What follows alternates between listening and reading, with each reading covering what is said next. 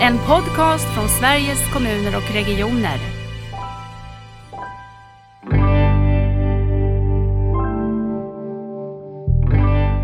Välkommen till Nära vårdpodden. I detta avsnitt kommer vi att prata om AI.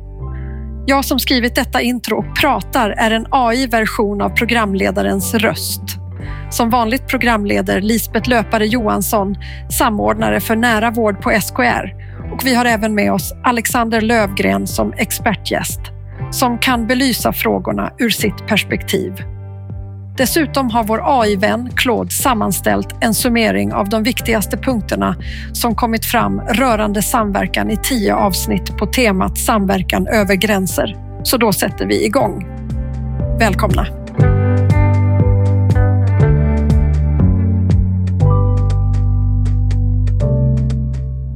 Och även jag, den riktiga Lisbeth, vill säga välkommen till Nära vårdpodden. Vi hör om det överallt. Det är det nya och det rör sig snabbt och det skapar både frågor om vad som är verkligt, om något är sant och hur vi ska leva med det. Och I dagens avsnitt så ska vi bland annat fördjupa oss i och lära oss mer om AI. Och jag är jätteglad att få med dig Alexander Lövgren som både forskar och skriver om teknikimplementering, om människa och maskin och eh, också menings och värdeskapande organisationer och hur det hänger ihop tänker jag också. Välkommen Alexander! Tack så mycket! Så roligt och spännande det ska bli det här avsnittet. Eh, börja med att berätta vem, vem du är. Ja, eh, har en bakgrund från KTH eh, ursprungligen, eh, industriell ekonomi och organisation där jag eh, forskade om just det här med meningsskapande i organisationer när man ska ja, genomföra komplexa projekt och förändringar och teknikimplementationer och, och, och sådana, sådana saker. Och i min forskning så handlar det mycket om det här med de här meningsskapande samtalen, samarbetsformerna och att det är mycket det som, som formar agendan och det som vi faktiskt gör och det som faktiskt blir resultaten av de här väldigt stora och svåra förändringarna som vi, som vi ska genomföra.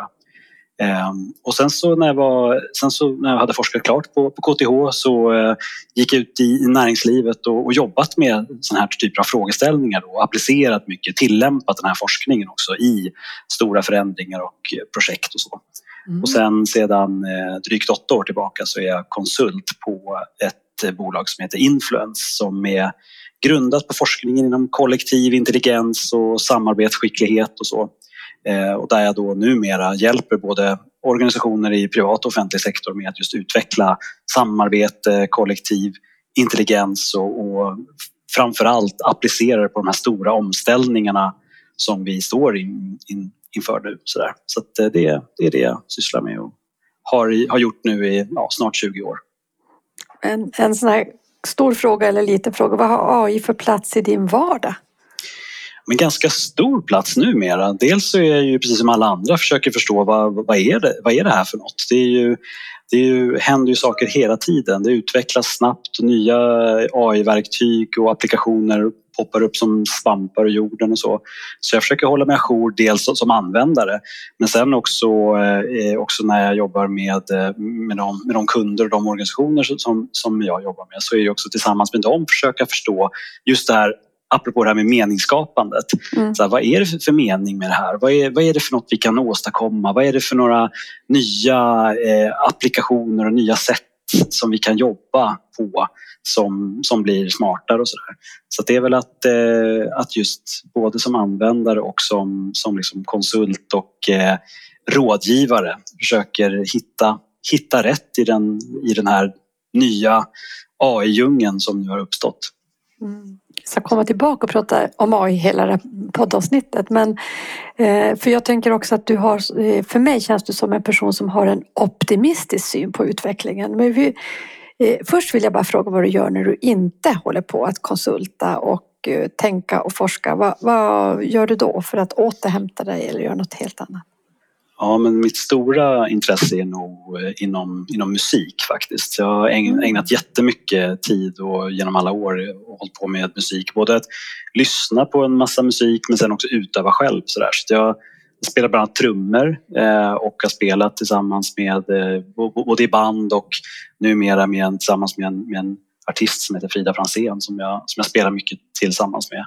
Mm. och spelar in skivor och håller, på sådär och det är jätte, jätte, jättekul faktiskt. Så det ägnar jag mycket min tid åt och sen annars så har jag eh, familj, jag har en fru och två, två barn och eh, lever ett väldigt vanligt familjeliv med allt vad det in, innebär. Mycket skjutsa och hämta och lämna på träningar och annat och så. Så det, det, det är ungefär vad, vad som får plats i mitt liv. Det låter som en, som en människa, om vi nu ska prata om artificiellt och, och riktigt. eh, vad har du för relation till omställningen till nära vård? Då? Ja, men på senare tid eh, väldigt, eh, blivit väldigt intresserad av, av det ämnet för att jag eh, jag, jag tycker just det här med det, det som jag håller på med eh, om det här med kollektiv intelligens då, att just det här med hur både teknik och människa och individ och organisation och samhälle och allt det där ska liksom hänga ihop och hur vi som människor kommer till eh, vår rätt och hur vi liksom arbetar smartare och gör en mer meningsfull och värde, värdeskapande värld. Mm. Ehm, så, eh, så tycker jag just det här offentlig sektor och i synnerhet kanske vård, vårdsektorn mm. Väl, välfärden i, eh, i största all, all, allmänhet så tycker jag liksom är ett viktigt område. Det, här är, det är så viktigt för oss att vi eh, på, på, en, på en nivå liksom skapar så mycket samhällsnytta som, som vi bara kan och vi använder oss av våra offentliga resurser så smart som möjligt. Men sen också är det ju, liksom, tycker jag, då en, en viktig fråga det här med ar arbetsplatsen i fokus. Att det ska ju vara en, en meningsfull och värdeskapande arbetsplats för alla som, som jobbar inom, inom vård, eh, vårdsektorn. Och, så. Eh, och med, med, det sagt så har jag eh, liksom börjat intressera mig mer för och liksom börja liksom djupdyka lite mer i de här frågorna. Och det blev väl extra aktuellt nu när, när AI kom in i bilden för då är det också nu så här, kanske man ska applicera mycket av de här eh, tekniska förmågorna inom, inom just vården. Och då, då tycker jag så här, då, då, är det viktigt att vi, att vi gör det på rätt sätt och att vi inte bara blir för tekniknära och för teknik optimistiska utan vi också vänder och vrider på perspektiven och säkerställer att vi, vi gör det som vi vill uppnå och det som, det som blir bäst utifrån ett samhällsperspektiv. Mm. Det är så intressant det här med den kollektiva intelligensen och också vem som på något sätt ska ta, ta makten över att det blir så här optimistiskt som jag ändå tycker att du har, har ingången för den här teknikutvecklingen. Jag tänker att det blir lite grann av två läger. Det blir det dystopiska och det som känns skrämmande och som vi behöver akta oss för och så blir det möjligheterna. Och så är det säkert någonstans där mittemellan. Men om du hjälper oss och introducerar oss eh, som inte är jätte, jätte, känner oss inte i alla fall kunniga och insatta i vad det vad artificiell intelligens är och hur vi ska förhålla oss till det utifrån ditt perspektiv. Kan du inte ge en kort intro? Jo, men det, det kan jag göra och, och jag, jag, tycker det är bara för att eh, knyta an till det du säger. Jag tror det viktigaste perspektivet när vi pratar just om det här med AI att det är inte antingen eller. Att eh, antingen så är det liksom teknikoptimistiskt eller så är det dystopiskt utan vi måste kunna ha det här både och perspektivet hela, hela eh, tiden. Och så som jag ser på, ser på artificiell intelligens, det har just det här med kollektiv intelligens att göra. Att, att AI och artificiell intelligens är ju en del av vår kollektiva mm. intelligens och att det är ju ett sätt att ehm, eh, inom vissa förmågor som är då mera strukturella, digitala och det bygger mycket mer på input, output och det här mer transaktionella intelligensen som vi kan bryta ner till uppgifter och så. Där är ju helt enkelt den artificiella intelligensen helt överlägsen den mänskliga intelligensen. Och det är väl, det är väl, det är väl så som, som jag skulle vilja liksom att, vi, att vi allt mer pratar om vad AI är. Att ja, det är, det är fantastiskt vad, vilka, vilka möjligheter som eh, nu skapas och så. Men att vi också ser det för vad det är och att vi inte eh, liksom, vi varken sätter det på någon piedestal som är så här, oh, det här är allt som, som allting kretsar kring. Men inte heller negligerar det och tycker liksom att äh, men nu kör vi på som, som vanligt och det där kom, kommer nog bli bra och så. Utan att vi faktiskt har med det som en väldigt viktig komponent framåt för att vi just ska kunna eh, ställa oss frågan så där, okej, okay, vad är det för någonting som vi inte tycker fungerar så bra idag och hur är AI en del av den lösningen som vi nu vill utforma för att förbättra vad det är mm. vi vill för, förbättra för någonting. Mm. För jag tänker här på nästan två bilder i huvudet. Dels kan man ju tänka på hur man själv jobbar med själva AIs utveckling och vi ser ju att det här går fort och vi har säkert ingen, eller jag har ingen aning om allt som är på gång och så. Det andra är ju den, den då icke-artificiella intelligensen, vår intelligens. Hur utvecklas den för att ta vara på den artificiella intelligensens potential och möjligheter? Och där tycker jag att jag har mycket mindre samtal. Om vi nu får mycket snabbare sätt att behandla data, vi får analyser mycket fortare. Ja, men vad innebär det för, vår, för vårt beslutsfattande? Då måste vi ju också på något sätt ändra oss för att kunna använda det här på ett bra sätt. Eller i det här kollektiva intelligenstänkandet som du resonerar kring så tänker jag att det finns ju någon, någon annan träningsyta också som inte är teknikens utveckling. Nej men exakt.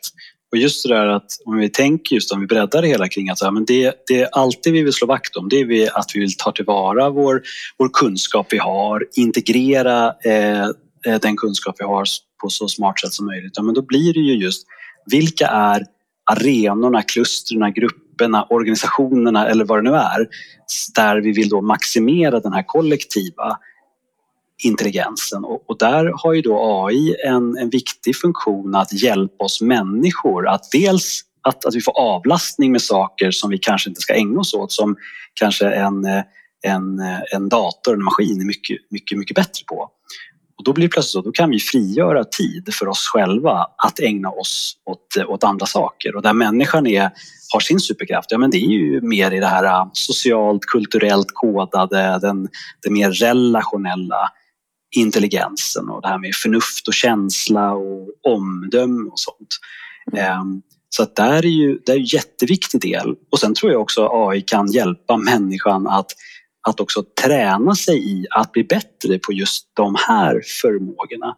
Eftersom en, en AI kan också hjälpa oss med, med eh, vägledning, beslut och, och, och, och, sådana saker. Och då blir det också lättare för oss att bli knuffade i rätt riktning beteendemässigt. Ehm, så att vi inte fastnar i det här att vi blir någon form av förlängning av datorn. Vilket vi ofta blir när vi, när vi sitter ner med, med våra olika manicker och eh, paddor och telefoner och sånt. Liksom. Att det, det, det, finns ett annat värdeskapande som vi kan tillföra också i det här, eh, de här kollektivt intelligenta organiseringsformerna.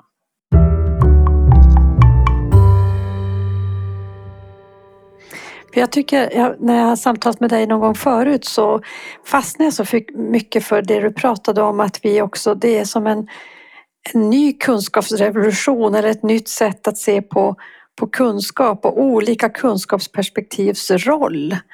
Eh, och det där tror jag är väldigt nyttigt för hälso och sjukvården som består av så otroligt mycket olika kunskapsfält egentligen. När man forskar på personcentrering, om man bara tar det, så kan man säga att där är sju olika fakulteter inblandade. Det är allt från konst och, och ekonomi, medicin och omvårdnad och rehabilitering och annat. Och den där smältdegen av kunskaper, det tycker jag vi varit ganska dåliga på att ta vara på i hälso och sjukvården. Utan vi gör ju det oftast i var, varje del för sig, men inte integrerat. Kan det här hjälpa oss? Är vi på väg mot något nytt tror du? Ja, men jag hoppas det. För jag tror att just när det är komplexa verksamhetsområden som, som, som vi jobbar med, det är oftast där som vi har svårt att urskilja eh, Alltså, vi, vi känner kanske så att ja, men det här är inte optimalt organiserat, det, det, fungerar inte kanske alltid så effektivt som, som vi vill. Vi kanske inte upplever att saker och ting är så meningsfullt och värdes, värdeskapande som vi hoppas på. Och så. Och då är det så himla viktigt att det är ju inte oftast en sak som är, som är svaret på, på de här olika Nej. problemen och så, utan det är just att ha förmåga att kunna integrera massa olika kunskaper och massa olika perspektiv som vi behöver få in och så för att just liksom ställa oss frågan så här, vad är det vi, vad är det vi behöver här egentligen för att vi ska ta oss an den här svåra utmaningen och hitta nya lösningar och så. Och där kan ju lösningarna komma från väldigt oväntade håll.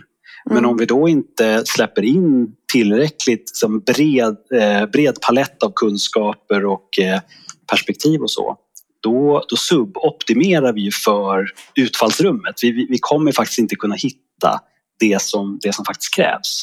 Och det är ju samma sak med om vi då plockar in en sån förmåga transaktionellt som då artificiell intelligens är. Ja, men då inser vi plötsligt att vi kan hitta en massa genvägar och snabba på hur vi, hur vi eh, hittar de här olika eh, perspektiven och eh, olika möjliga beslut och olika möjliga eh, vägval kopplat till handling och så. Och det är ju, det är ju bara en möjlighet för oss att, att få upp fler saker på bordet som vi sen kan ta ställning till och sen med det mänskliga omdömet fatta rätt beslut och handla, handla på ett mer ändamålsenligt sätt framåt. Mm. Du skrev en debattartikel eh, för ett antal månader sedan eh, som jag i alla fall hajade till. Det är klart man hajar till när någon adresserar att Sveriges kommuner och regioner bär ett stort ansvar för att samordna AI-utvecklingen eh, för vård, skola och omsorg och också att man hade att den här sektorn har både en stor potential men också att man kan förlora mycket genom att man inte är nog aktiv eller Eh, lite nonchalant mot utvecklingen och du gav tre exempel. Du pratade om kompetensbristen, du pratade om det hållbara samhället för att kunna mildra klimatkris och annat och du pratade också om stress och psykisk ohälsa kopplat till mer administrativt tunga eh, delar som välfärden också brottas med. Kan du inte kommentera det där? Vad är det du ser som också behöver tas om hand eller som du tänker att vi att det finns en risk att vi kanske är lite för nonchalanta eller lite för passiva inom? Ja, alltså det finns så många perspektiv på det här, men ett, ett av de viktigaste där är väl att eh, vi tycker att det här är lite, lite svårt och jobbigt. Eh, det är lite jobbigt att ta till sig ny teknik och nya möjligheter och så. Och eh, ett, ett, ett enkelt sätt att, liksom för, att, för att förenkla för sig själv blir att bli lite passiv. Att liksom, mm sticka huvudet i eh, sanden och bara låt, låta det vara så. Men det är just det som, som kanske är den, den största utmaningen och det största problemet. För att jag tror ju att eh, i det här läget eh, med intåget av, av artificiell intelligens så måste vi nog erkänna för oss själva att det är ingen som har svaret på de, på de här frågorna. Det är ingen som har facit. Utan det är ganska mycket en utforskande process just nu. Att vara nyfiken och kreativ och eh, börja med att kanske istället för att bli hänförd av alla nya tekniska eh, applikationer som finns och oj, ChatGPT och eh, Midjourney för bilder och, och, nya videofunktioner och så. Så är det så här, okej, okay, vi, vi vet att de här kapabiliteterna finns där. Mm. Men vi kanske mer behöver få, mer intressera oss för ja, men vad är det vi nu i vår egen verksamhet, i det vi själva håller på med, mm. som vi tycker är eh, problematiskt eller som vi inte tycker funkar så, eh, så, så bra.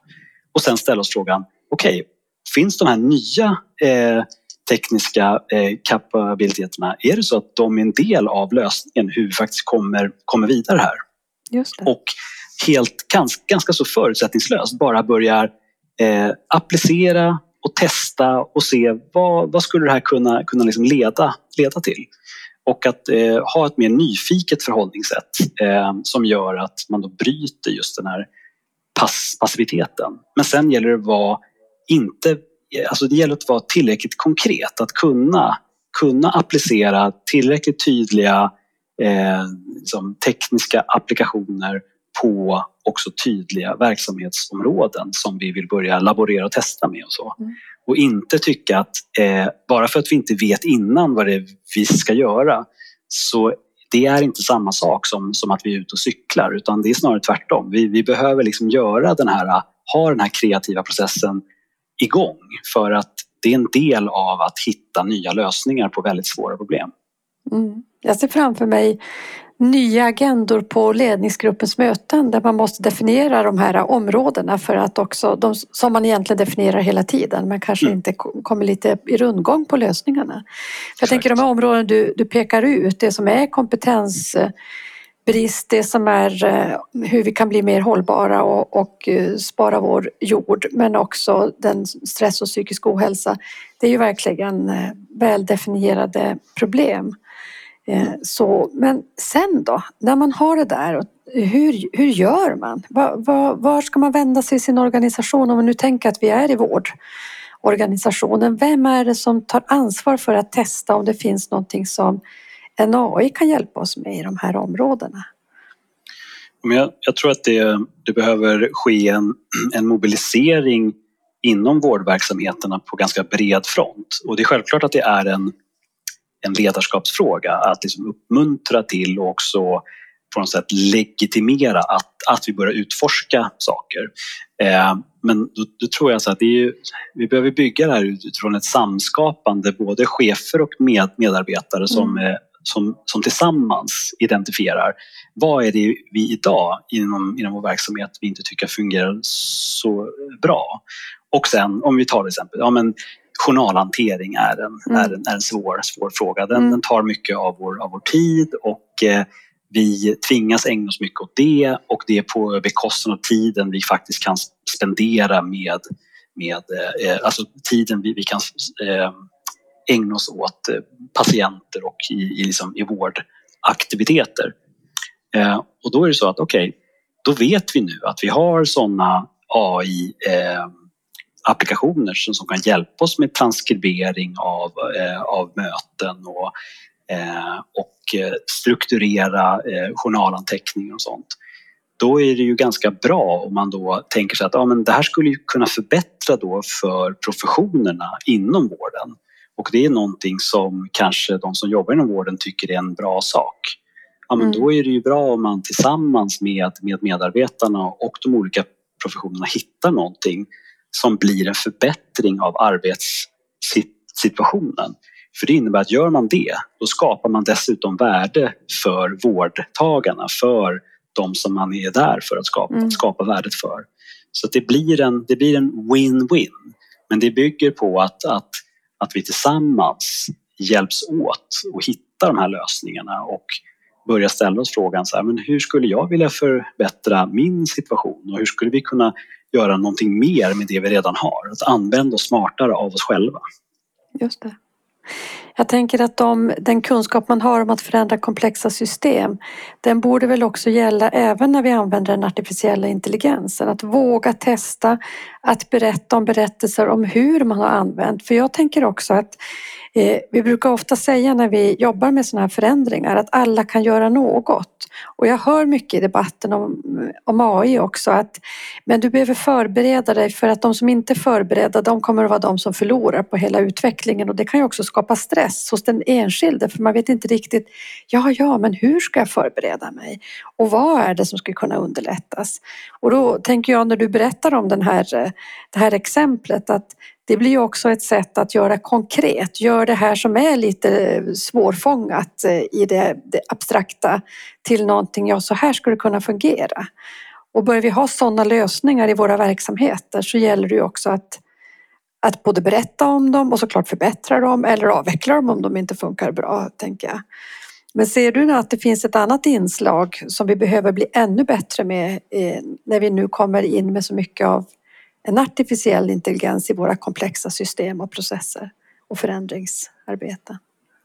jag tror, precis som du är inne på, att, att vi måste hitta ett sätt att kunna göra det som vi håller på med och de olika lösningarna vi, vi faktiskt eh, hittar att göra dem skalbara. Det är ju jätte, jätteviktigt. Mm. Så att det blir att så här, ja, men så här gjorde vi inom den här vårdenheten och det här kan vi skala upp till ett arbetssätt som vi kan återanvända med de här verktygen och så. Eh, men det börjar att sluta med att vi har just den här förmågan att kunna testa saker och eh, känna att, eh, att det, det vi testar är någonting som är repeterbart och någonting som känns som, som, ett, som, som ett arbetssätt som, som vi tror på och som vi tycker kän, känns bra och känns meningsskapande och värde, värdefullt.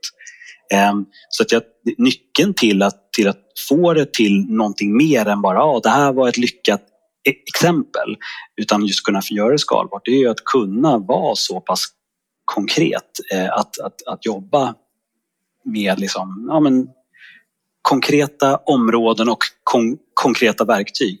Och sen så tror jag att eh, vi behöver fundera på hur ser den här liksom automatiseringskedjan ut? För det finns ju mycket som man också kan automatisera eftersom AI bygger mycket på att det är specialiserade AI-funktioner som är duktiga på olika saker. Någon, en, en typ av AI-funktion är mera inom text och en inom bild och en inom ljud och en inom video och kod och vad det kan vara. Och sen så är det ju hitta då sätt, just apropå det här, det här få, få den här, den här mer transaktionella intelligensen, att, att verkligen bli någonting som blir lite av en, lite av en maskin som just avlastar människan. Mm. Då måste man ju fundera på hur kopplar vi ihop olika flöden i olika, i olika eh, som data, eh, dat, dataflöden som faktiskt häng, häng, hänger ihop och så och som, som leder till någonting som faktiskt blir en avlastning på, på, på eh, riktigt. Och i det så är det ju förstå också hur ser, hur ser människans roll i det här ut? Och, och där tänker jag också utifrån ett samarbetsperspektiv. För att, så, så, som jag ser mycket på den här nära vårdsatsningen är ju också att det är ju ett hittat sätt eh, att det inte blir den här uppdelningen vårdgivare, ja, vårdtagare mm. utan det blir en samarbetsarena mm. mellan de som ger vård och de som, de som faktiskt behöver vård.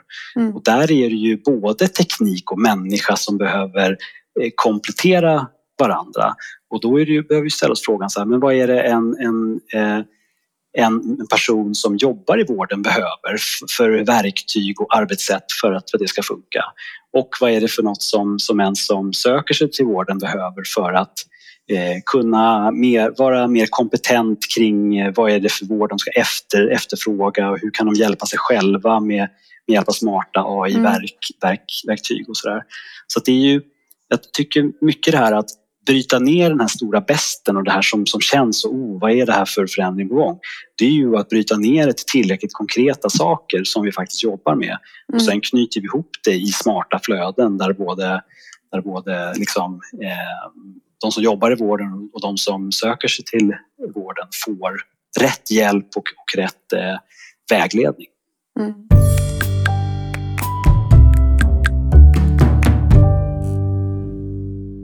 För det var bra att du tog det som var mer ett invånare eller patient och brukarperspektiv.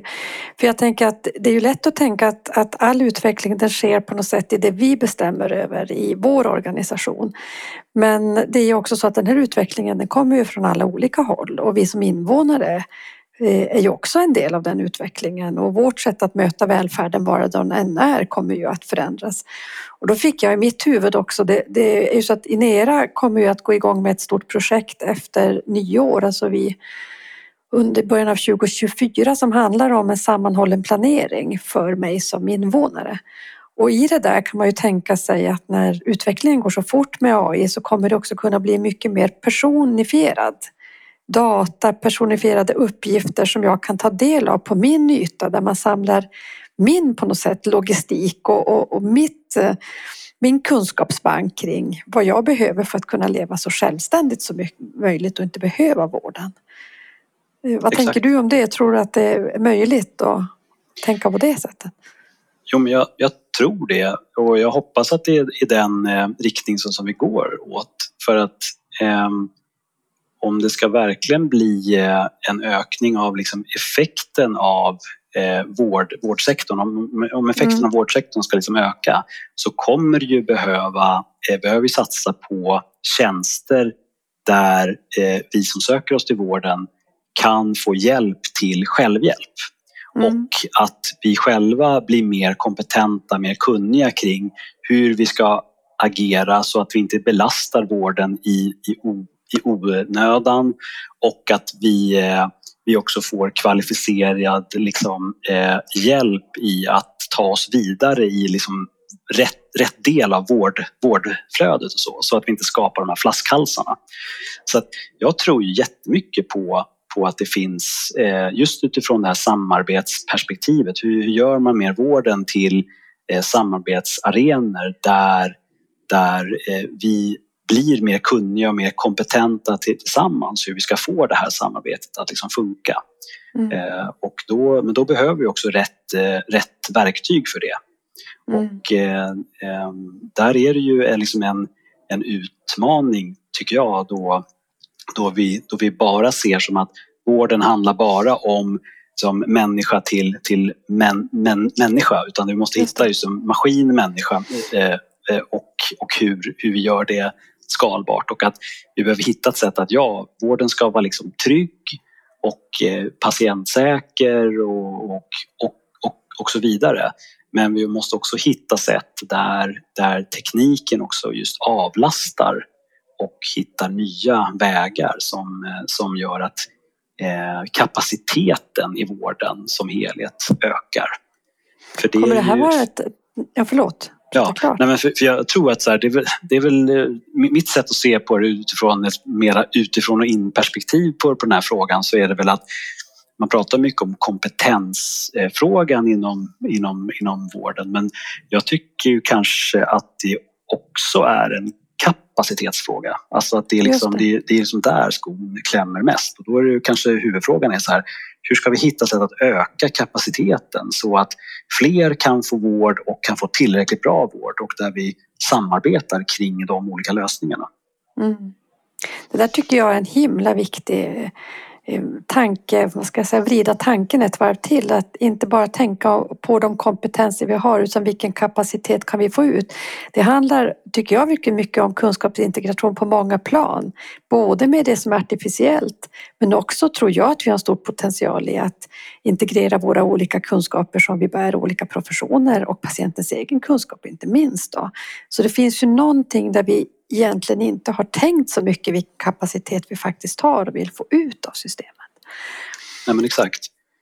Och där tänker jag olika roller och, och professioner i, i vården. Men här, det är ju det är lätt att också, så är det ju alla branscher, att, det är ju lätt att så här, jag som läkare sysslar bara med det och jag som sjuksköterska bara med det och jag som vårdbiträde mm. bara, bara med det och så. Så har vi liksom låst fast oss i, i, i liksom kanske lite för strukturella roller och sådär. Och det kanske är så att med hjälp av AI och mera dynamiska arbetssätt så hittar vi sätt att, att jobba tillsammans eh, eh, som gör att vi, eh, vi kan känna oss trygga i våra roller men samarbetet eh, gör att vi faktiskt får ut mer av oss eh, själva och att vi faktiskt skapar en, en, en högre kapacitet. Mm. Så, så, det är också en, en fråga som jag tycker hänger ihop med, med, med det här och då, där kan återigen då en, en artificiell intelligens hjälpa oss just med vägledning, olika former av beslut och, och så vidare som gör att vi kan också dela upp oss eh, på, ett, på ett eh, smartare sätt och vi kan göra det individanpassat och också eh, anpassat för res, respektive fall. Sådär. Mm. Ja, och kanske det hjälper oss att lite utmana oss från rädslan att tappa makt för vi kommer att ha en, en annan typ av spelplan och i den har vi mycket att vinna. Jag tänkte du var inne på det här med att man kan få hjälp med analyser och så. Vi gjorde ett litet experiment som vi ska lyssna på där vi bad en AI att eh, analysera tio av de här nära vård poddavsnitten eh, och sammanfatta dem. Eh, och jag tänker vi tar och lyssnar på det och så får vi prata efter det vad vi hör. Kul. Hej, jag är en AI-bot som heter Claude. Jag har sammanfattat lärdomarna i tio avsnitt av Näravårdpodden som handlar om samverkan över gränser. Jag blev ombedd att skriva detta inslag. Håll till godo. Nu ska vi prata om något som kommer upp mycket i Näravårdpodden, nämligen vikten av samverkan och delaktighet för att kunna erbjuda en nära vård Genom att lyssna på många av avsnitten ser vi att det finns några teman som är viktiga att ha med sig. Ett framträdande tema är dialog och samverkan över yrkes och organisationsgränser. För att kunna möta människors behov på bästa sätt krävs att professioner inom hälso och sjukvård, kommun och region pratar med och lär av varandra. En annan aspekt som lyfts fram är involveringen av både invånare och personal i utvecklingsarbetet Genom att ta tillvara kunskap och erfarenheter hos alla parter ökar chansen att identifiera faktiska behov och hitta lösningar som fungerar i praktiken. Dessutom handlar mycket om att skapa gemensamma mötesplatser för utbyte mellan olika aktörer. Här tittar vi på exempel som familjecentraler. Samtidigt behövs flexibilitet för att kunna möta varje persons specifika situation. Vidare ser vi att det handlar om samordning och gemensamma strukturer samtidigt som man utvärderar effekter utifrån invånarnas perspektiv. Digitalisering kan underlätta kommunikationen, men fysiska möten är viktiga. Gemensamt för alla initiativen verkar vara att bygga på dialog, delaktighet och ömsesidigt förtroende. Sammanfattningsvis handlar nära vård mycket om att tillsammans hitta lösningar genom aktivt samarbete och delaktighet på olika nivåer. Vad tror ni? Är detta rätt sammanfattning av vad som kommit fram i Nära vårdpodden? Ja, vad tror vi om det Alexander? Är det rätt sammanfattning? Vad fick du eh, utav det här när du lyssnade på det här? Det ja, det var ju väldigt, väldigt spännande.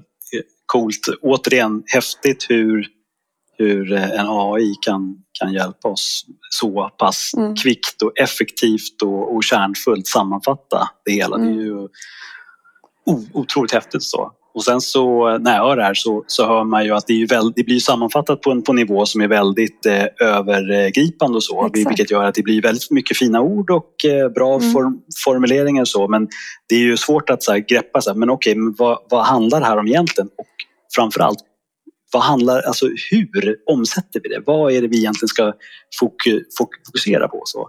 Och det tycker jag är en av de mest fascinerande grejerna just nu med AI. Att det, den, den är otroligt duktig på att spotta ur sig bra formuleringar, snygga saker och så.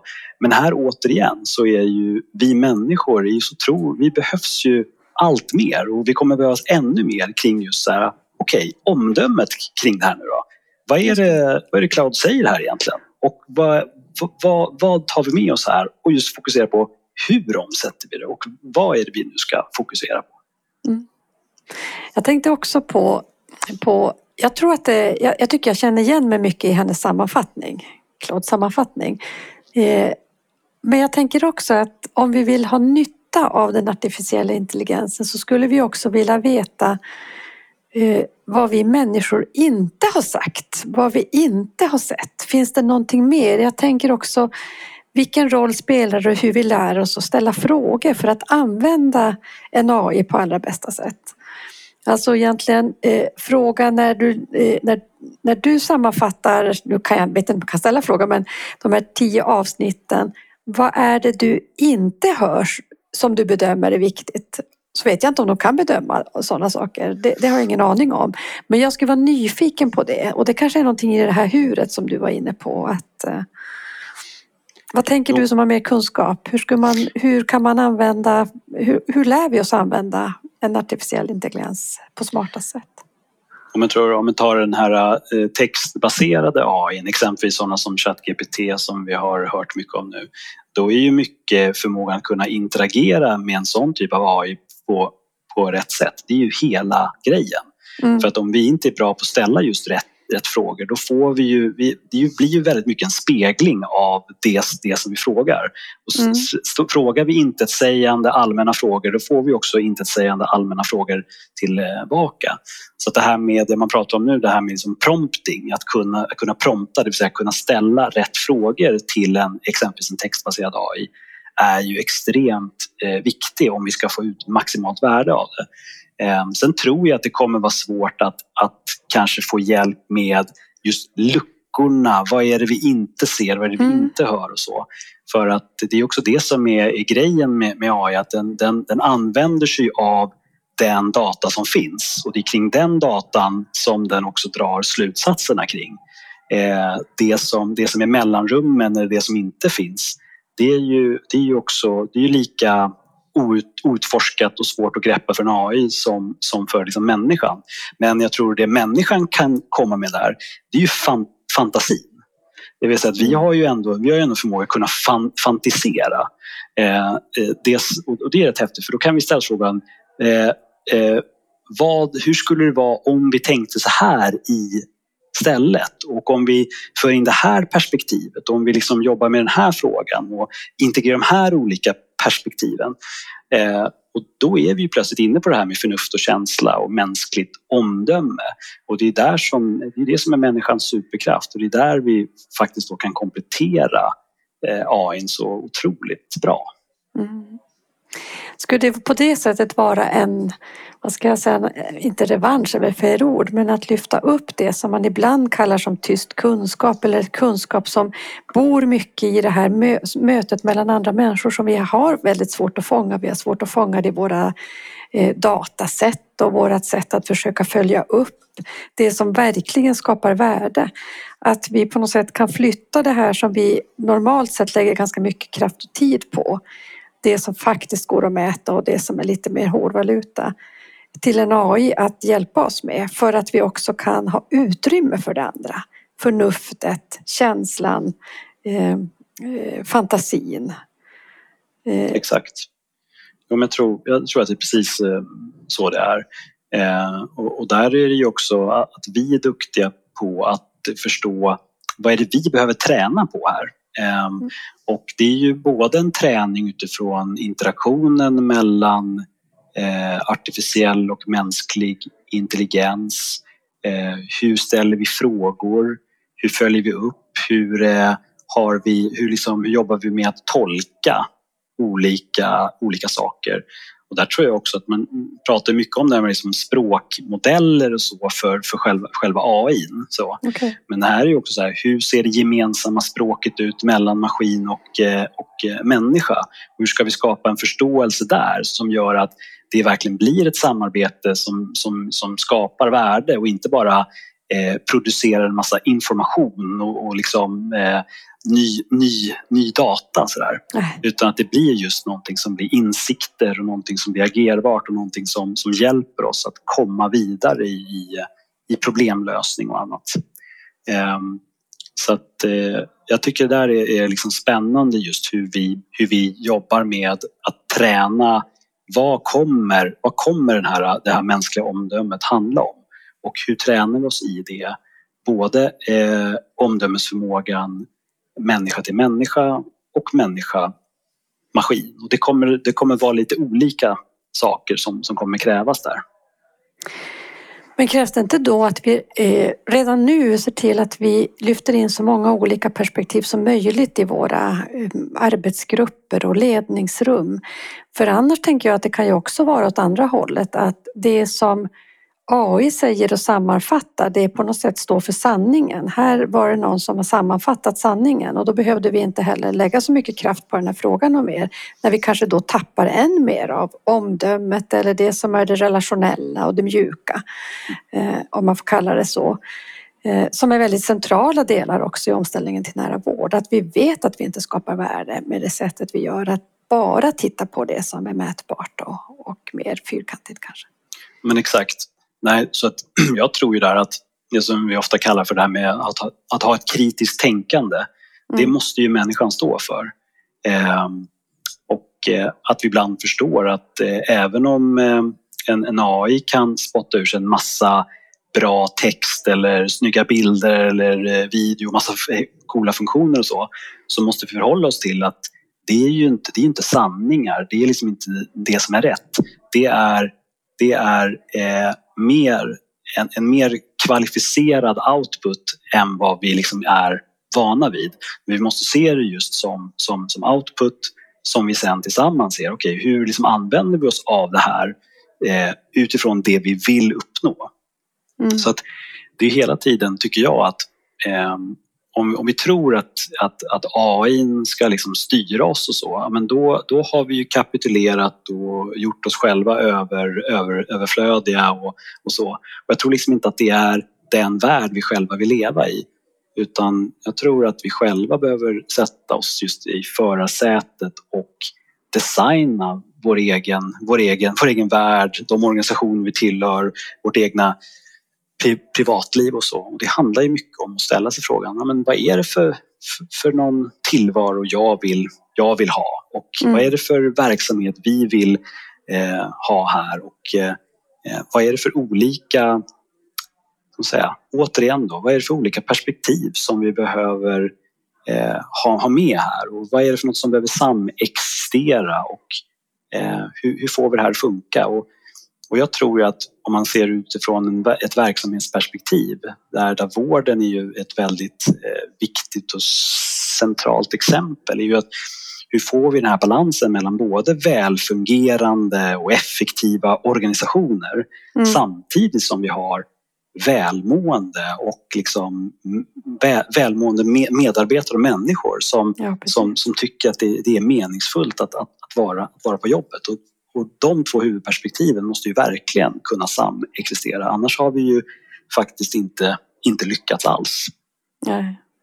Jag börjar tänka på politikens roll. För jag tänker, det är ju inte heller lätt att vara politiker i en sån här transformativ tid där så mycket händer och man ska också förstå hur det här påverkar både demokrati men också hur man bygger sina verksamheter och vilka krav man ska ställa och eh, vilka underlag man får. Det är många olika perspektiv på det. Tänker du att vi har en politiskt samtal om de här frågorna om på samhällets utveckling i förhållande till den artificiella intelligensen och vart vi vill med, med de här på något sätt kunskapsintegreringen också på ett större plan? Det, vi har inte kommit dit ännu men jag, jag tror att eh, debatten och det offentliga samtalet kommer komma dit ganska snart. Jag menar, redan nu så på EU-nivå pratar man ju om AI-reglering och mm. lag, lagstiftning och så. Eh, och jag tror ju att eftersom det är väldigt mycket liksom, eh, en, en teknikimplementationsfråga nu i, i början som man fokuserar på, då inser man ganska snabbt att hur verksamheter fungerar, det kommer ju vara en organisationsfråga och kanske ganska mycket en organiseringsfråga. Det vill säga att vi kommer jobba med helt nya kluster av liksom, eh, människor, konstellationer, eh, AI. Eh, liksom, det kom, åt, åt, återigen då, liksom att vi, vi kommer vända upp och ner mycket på de här traditionella hierarkiska modellerna och sådär. Jag tror att mm. vi kommer behöva jobba mycket, mycket mer med, med så här, hur organiserar vi oss så smart som möjligt för olika ändamål, för olika syften vi vill uppnå, för mm. olika typer av samhällsnytta som vi, som vi faktiskt vill, vill skapa och så. Eh, och då kan vi inte fastna för mycket i rigida strukturella modeller som har, som har flera hundra år på, på nacken utan vi, vi måste, vi måste eh, vara lite, lite mera man säger, dynamiska där och eh, tänka mer utifrån vad är det för värde vi vill skapa och sen kring det, hur, hur använder vi oss av oss själva, tekniken eh, och organisationerna så, så smart som möjligt för att, för att det ska hända. Mm. Jag tänker att många av eh, professionerna i vården, de har ju valt de yrkena för det relationella, att göra skillnad för människor. Jag tror också att det finns en viss både skepsis och också rädsla för vad det kommer att betyda för mitt yrkesutövande framåt. Vad tänker du till de som lyssnar? Vad, hur, ska man, hur ska man hjälpa oss att tänka? Jag tror ju att det är svårt att eh, stå emot en sån här alltså en snabb teknisk utveckling och en stor omställning som vi är liksom mitt i. Så jag tror att som individ så förlorar man nog mest på att vara passiv eller eh, försöka undvika det hela eller eh, motarbeta eller inte liksom eh, se vad är det som faktiskt pågår. Eh, så det är nog nummer ett, att bryta sin egen passivitet. Mm. Sen skulle jag vilja vända på det, att det finns så otroligt många fördelar som en teknisk utveckling oavsett om det är AI eller vad det nu är har att, har att liksom ge. Eh, och där är ju, tror jag att eh, man kan börja med att ställa sig frågan så här, men vad skulle det här innebära för mig konkret? Vad skulle det här ha för fördelar?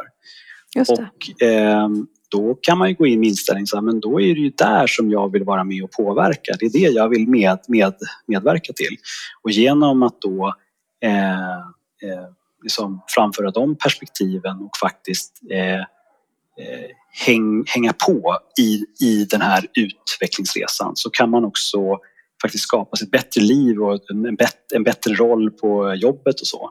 Mm. Eh, så att bryta passiviteten och fokusera på, på, på det man själv ser skulle kunna vara någonting som faktiskt förbättrar sin egen situation. Det är, ju, det är en ganska bra start, tänker jag. Mm. Vi kanske ska fortsätta att fundera på hur vi svarar upp mot utmaningar för vi bad Claude också att sammanfatta eh, de utmaningar som har kommit upp i de här poddavsnitten. Då. Vad, vad har vi gästerna lyft för utmaningar? Så vi lyssnar på henne igen och den sammanfattningen. Hej igen AI Claude här. Jag fick också frågan om vilka utmaningar man möter. Här kommer de. Våra gäster berättar om många utmaningar med omställningen till nära vård. Enligt dem har det visat sig svårt att implementera samverkan mellan olika aktörer som har varsin styrning och ansvar. Det kan också vara komplicerat att finna former som når bredare användarmedverkan och effektutvärdering än de mest framträdande rösterna. Samtidigt påvisas det värde som finns med inkludering av fler perspektiv. Att omvandla etablerade arbetssätt trots politisk vilja till förändring lyfts som en utmaning, liksom att hitta sätt för samverkan som känns meningsfull på alla professioners villkor. Även att släppa kontrollen och lita på medarbetarnas kompetens beskrivs som ett ledarskapsutmaning. Flexibilitet och nyfikenhet krävs för att våga prova nya vägar trots osäkerhet. Trots hindren så har framsteg nåtts genom öppen dialog, kontinuerlig utvärdering samt att ställa frågan vad fungerar och inte bara vad som är problematiskt. Nära vård kräver mod och uthållighet men drivs av övertygelsen att det finns mer att vinna på samverkan än att arbeta var för sig. Ja, hon slutade ju positivt här och eh, lyfte fram det, modet och uthålligheten och mm. övertygelsen mm. om att det faktiskt går. Vad tänker du när du lyssnar på de här utmaningarna?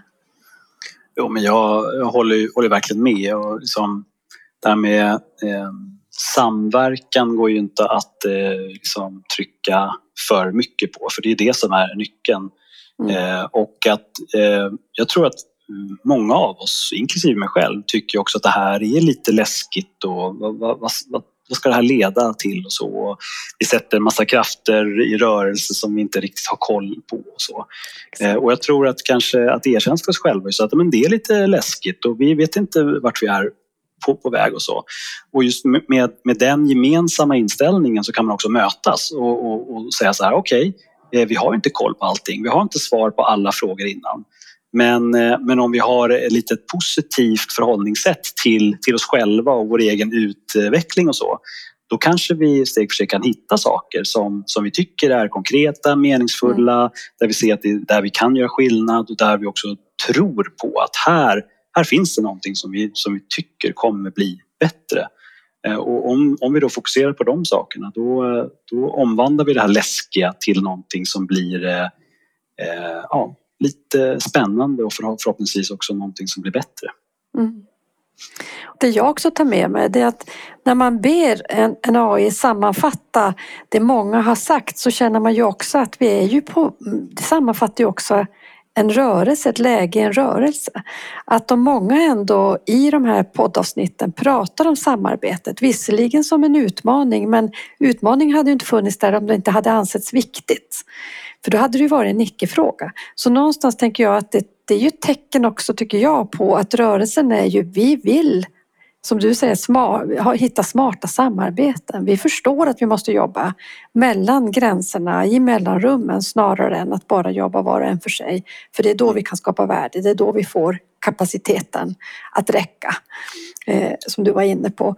Och då tycker jag att det kan ju också vara ett sätt att bekräfta eh, det blir nästan ett sätt att utvärdera om jag säger så. Det blir viktiga tecken på att eh, vi har, är på gång någonstans. Mm. Verkligen, jag håller fullständigt med. Vi ska avrunda, liksom. men är det någonting du vill skicka med i detta spännande inslag som vi, vi har faktiskt inte pratat om artificiell intelligens förut i podden. Är det någonting som vi inte har pratat om som vi borde ha nämnt och pratat om? Eh, det finns väldigt mycket vi skulle kunna prata om men jag tror att det jag tror jag vill trycka lite extra på så här avslutningsvis så är det nog att eh, om vi ska eh, hjälpa oss själva i det här som är, är svårnavigerat just nu kopplat till AI så är det eh, att vi inte blir för teknikfokuserade. Att vi, att vi slutar tro att AI är en tek teknikfråga, för det är det inte. Det är en kollektiv intelligensfråga. Kollektiv intelligens är både mänsklig och artificiell. Och eh, för att vi ska kunna då, vi kan bli fascinerade av de här olika framtidsscenarierna om hur, hur det kommer bli och vi kan bli förskräckta av, av det också. Mm. Sådär. Och istället för att bara uppehållas kring antingen det som är fascinerande eller förskräckande så behöver vi då så här, dra ner det till här och, här och nu. Mm. Vad är det vi här och nu behöver agera på? Vad är det vi här och nu eh, är nyfikna på? Vad är det här och nu som vi tycker i vår egen verksamhet inte, inte fungerar? Och då tror jag att om vi har ett samarbetsfokus på det, både kring hur funkar samarbetet eh, inom vården i eh, dag som vi tycker funkar bra och de saker som inte funkar så bra. Då kan vi se det som, som eh, nya tekniska möjligheter som vi kan applicera på olika problem problemområden. Och plötsligt så blir det någonting väldigt konkret. Och då inser vi att, att vi kan faktiskt eh, ta de här olika AI-verktygen lite grann som vilka verktyg som helst. Det är bara det att de har en enorm transaktionell förmåga som, är, som vi inte har sett förut. Och då kan vi just ställa oss frågan så här, okej, okay, så hur sätter vi oss själva i förarsätet och säkerställa att vi använder det för att avlasta oss själva som människor så att vi ägnar mer av vår tid och det som vi själva tycker är meningsfullt och värdeskapande. Och plötsligt så har man gjort det till någonting konkret, agerbart och det handlar mycket mer om här och nu och hur, hur, hur, vi, hur vi vill att saker och ting ska bli bättre. Mm. Att lite ta makten i nuet för att då tar man också makten över framtiden på något sätt. Ja, Eh, Jag exakt. känner också något hopp i att eh, vi pratar mer om vad ett bra liv är. Och det här med kapacitet tar jag också med mig från den här podden. Att vi ska tänka mer hur, för det är också, tänk, vi pratar mycket resurser. Mm. Alltså tänka det i kapacitet. Hur får vi den bästa kapaciteten tillsammans med olika typer av, av kunskaper Mm. eller intelligenser. Vi har inte frågat eh, Claude om vad nära är eh, ur hennes perspektiv. Men jag frågade till dig Alexander, vad är nära för dig? Ja, nära, det är någon, någon form av kombination av det här med någon fysisk närhet tror jag. Och sen tror jag en så mental närvaro. Mm. Det, det, de, det är de tillsammans på något sätt. Det, det, det är nog nära. Jag tänker just där, i, i, det är väl det jag tänker framförallt är i mötet med andra människor såklart. När det är nära eh, och man känner att, att man är nära en annan person. Det är ju då man rent fysiskt är, är nära och det, kän, det känns verkligen så. Eh, men sen också att det finns en mental när, närvaro. Vi är närvarande i ett samtal och att eh, på något sätt